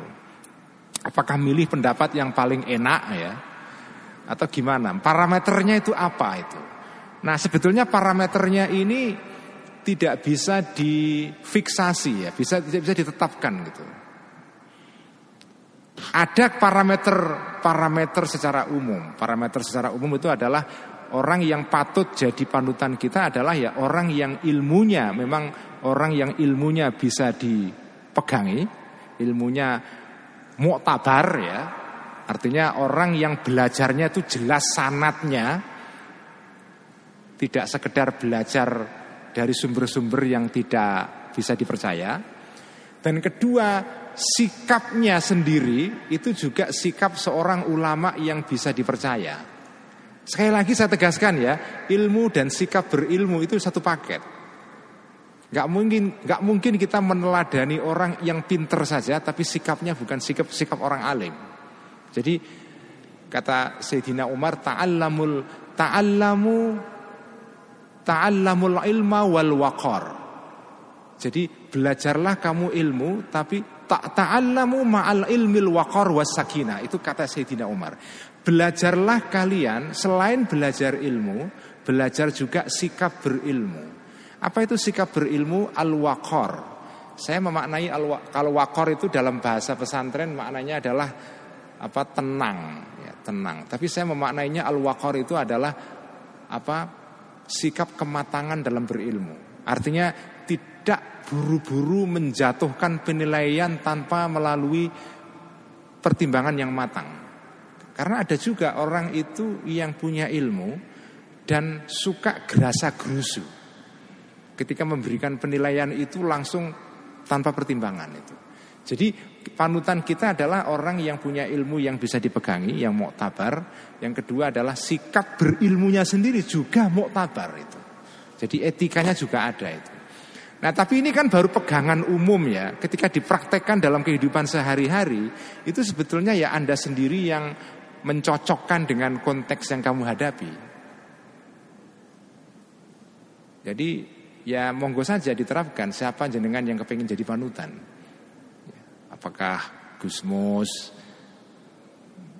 apa Ki Said atau Profesor Quraish Shihab atau Agim atau siapa Was ya, dan seterusnya ya monggo saja terserah.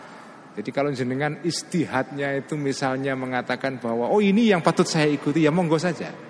Ya, monggo saja. Dan itu juga ini kok mencari kiai panutan itu juga ada unsur chemistry kok. Ya, kita cocoknya dengan kiai ini itu ya. Ya sudah kalau dengan cocok dengan kiai itu ikuti. Tapi ya tadi itu etikanya orang awam tidak boleh ikut-ikutan dalam perdebatan yang terjadi di antara para ulama. Jadi kan tidak boleh menjadi pengikut kiai itu kayak supporter bola bonek. Itu nggak boleh. Ya, jadi wah kalau bukan kiainya diserang habis-habisan, dibully misalnya, ah, itu yang tidak boleh itu. Ya. Sikap orang awam adalah jenengan awam. Kalau awam ya itu etikanya adalah jenengan diam.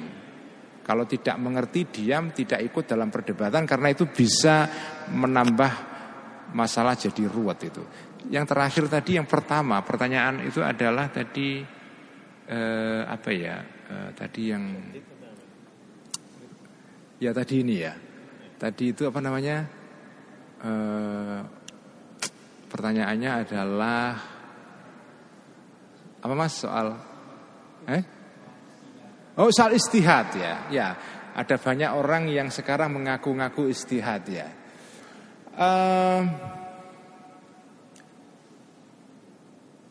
menurut saya begini, um, sekarang ini saya sendiri secara personal itu tidak setuju juga dengan pendapat yang terlalu menekankan syarat yang ketat pada istihad sehingga seolah-olah istihad itu nggak mungkin dilakukan zaman ini. Tetapi saya juga tidak setuju dengan orang yang seolah-olah istihad itu bisa dilakukan oleh siapa saja. Itu saya juga nggak setuju. Nah, menurut saya sekarang ini istihad itu memang lebih masuk akal jika dilakukan secara kolektif, yaitu yang disebut dengan istihad jama'i. Jadi istihad itu ya dilakukan oleh banyak orang, artinya kerjasama gitu.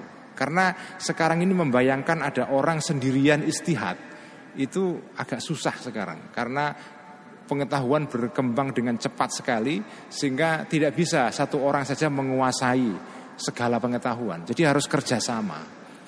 Ya sekarang itu terjadi di dalam misalnya forum Bakhtul Masail Nahdlatul Ulama ada istihad bareng-bareng melalui apa Bakhtul Masail. Di Muhammadiyah ada majelis tarjih, di MUI ada komisi fatwa dan seterusnya. Jadi sekarang itu istihad itu sebaiknya memang dilakukan secara kolektif, tidak sendirian ya. Nah kalau ada orang misalnya menganjurkan istihad tetapi kesannya itu seolah istihad itu bisa dilakukan oleh siapa saja itu saya nggak setuju itu.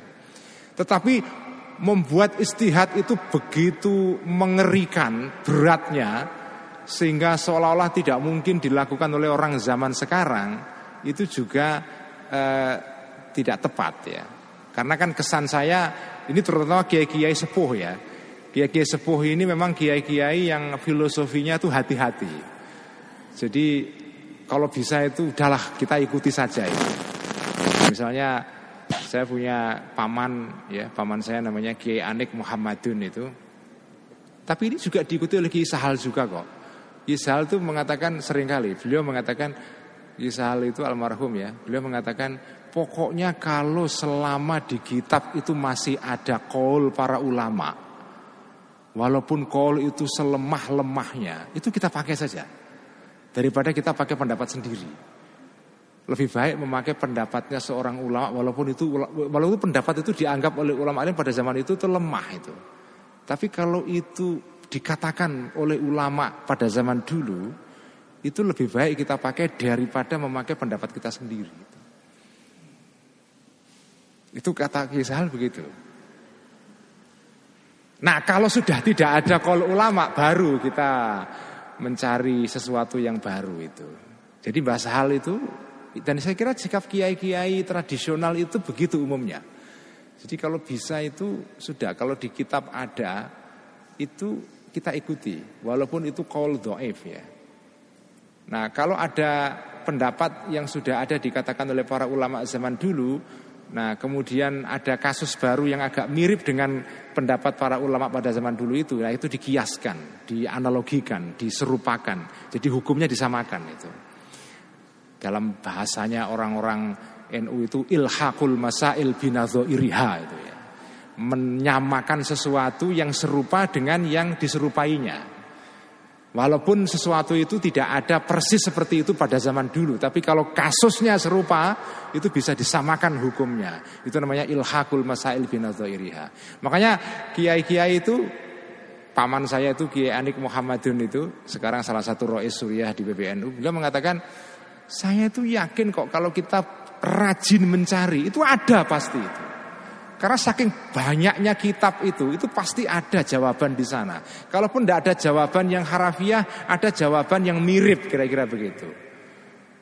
Jadi cenderung begitu. Ulama kita ini, ulama tradisional itu cenderung hati-hati. Saya agak kurang sepakat dengan kehati-hatian yang terlalu ketat. Karena kalau begitu itu nanti akan membuat kemajuan kita agak sedikit terhambat. Jadi lebih baik kita kalau misalnya uh, ada istihad kolektif bareng-bareng mencari solusi bersama itu bagus itu.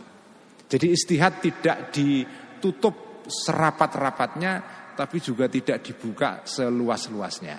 Saya kira itu jawaban saya semoga bermanfaat dan sekali lagi semoga kita bisa harapan saya sih kita menghayati kembali konsepsi pengetahuan ala Imam Ghazali seperti yang tadi kita bahas ilmu itu adalah ibadatul qalbi. Ilmu adalah ibadah batin. Sekian. Assalamualaikum warahmatullahi wabarakatuh. Waalaikumsalam. Baik terima kasih Gus Ulil Absar Abdullah atas penyampaian pengajian pada malam hari ini. Sayang sekali kita hanya bisa mendapatkan empat etika bagi orang berilmu dari sepuluh Kecuali kalau mungkin dilanjutkan besok jamaah-jamaah bisa pindah ke masjid kampus UIN ya. Di malam ini tadi kita banyak belajar mengenai empat etika. Yang pertama adalah kita menganggap kita ketika berilmu, ilmu itu sebagai bentuk kita ibadah hati. Yang mana kita beri, ketika beribadah pun kita juga harus bersuci terlebih dahulu. Dimulai dari berwudu dan seterusnya, barulah kita berilmu. Ketika kita tidak dalam keadaan yang bersuci, maka terlepas kita pun ter, terlihat pintar segala macam, itu pun dianggap seperti sholat yang tidak sholat karena belum wudhu. Yang kedua, dalam menuntut ilmu pun kita juga harus menjauhkan dari hal-hal yang duniawi. Yang mana kita harus utamakan terlebih dahulu ilmu ini gunanya apa? Apakah ini untuk dunia saja atau akhirat saja? Dan apakah ini dapat mendekatkan kita kepada Allah dan untuk kebermanfaatan umat? Bukan untuk semata-mata penuh untuk hal-hal duniawi. Yang ketiga pun juga kita tidak boleh merasa sombong atas kita itu merasa pakar. Kita merasa lebih tahu daripada yang lain dan yang keempat, kita tidak boleh mengikuti perdebatan antara orang antara orang alim khususnya ketika kita masih awam. Dalam hal ini bukan berarti kita tidak boleh berdebat, melainkan juga kita mengikuti atau mengamati agar belajar melatih daya kritis kita dan pengetahuan kita tidak apa-apa asalkan kita tidak ikut-ikut sembrono mengikuti perdebatan karena kita masih awam. Lebih lagi tadi kita juga dari beberapa pertanyaan disimpulkan bahwa ilmu sekali lagi adalah bentuk kita ibadah yang mana kita harus bersuci terlebih dahulu barulah kita belajar karena intinya adalah ilmu digunakan untuk kebaikan bukan oh, uangnya untuk eh, bukan ilmu untuk mencari uang tapi uangnya untuk mencari ilmu. Selebihnya juga soal istihad, maka pilihlah sesuai dengan hati nurani kita mana yang sekiranya orang berilmu itu memiliki sifat yang berilmu yang lebih baik. Uh, saya kira itu saja uh, kira-kiranya rangkuman dari saya atas malam ini dan ini tentu masih sangat sedikit. Terima kasih pada jamaah baik yang sudah hadir di Masjid Mardiah. Silakan ikuti media Instagram kami di RDK underscore Maldiah UGM. Di situ terdapat informasi lainnya yang dapat diikuti kegiatan-kegiatan kami. Juga para jamaah-jamaah yang hadir di online baik jamaah Masjid Madlia Islamic Center maupun uh, pengajian Ghazalia College. Dengan ini saya Faiz Alharkan pamit undur diri selaku MC dalam acara malam ini. Terima kasih. Wassalamualaikum warahmatullahi wabarakatuh.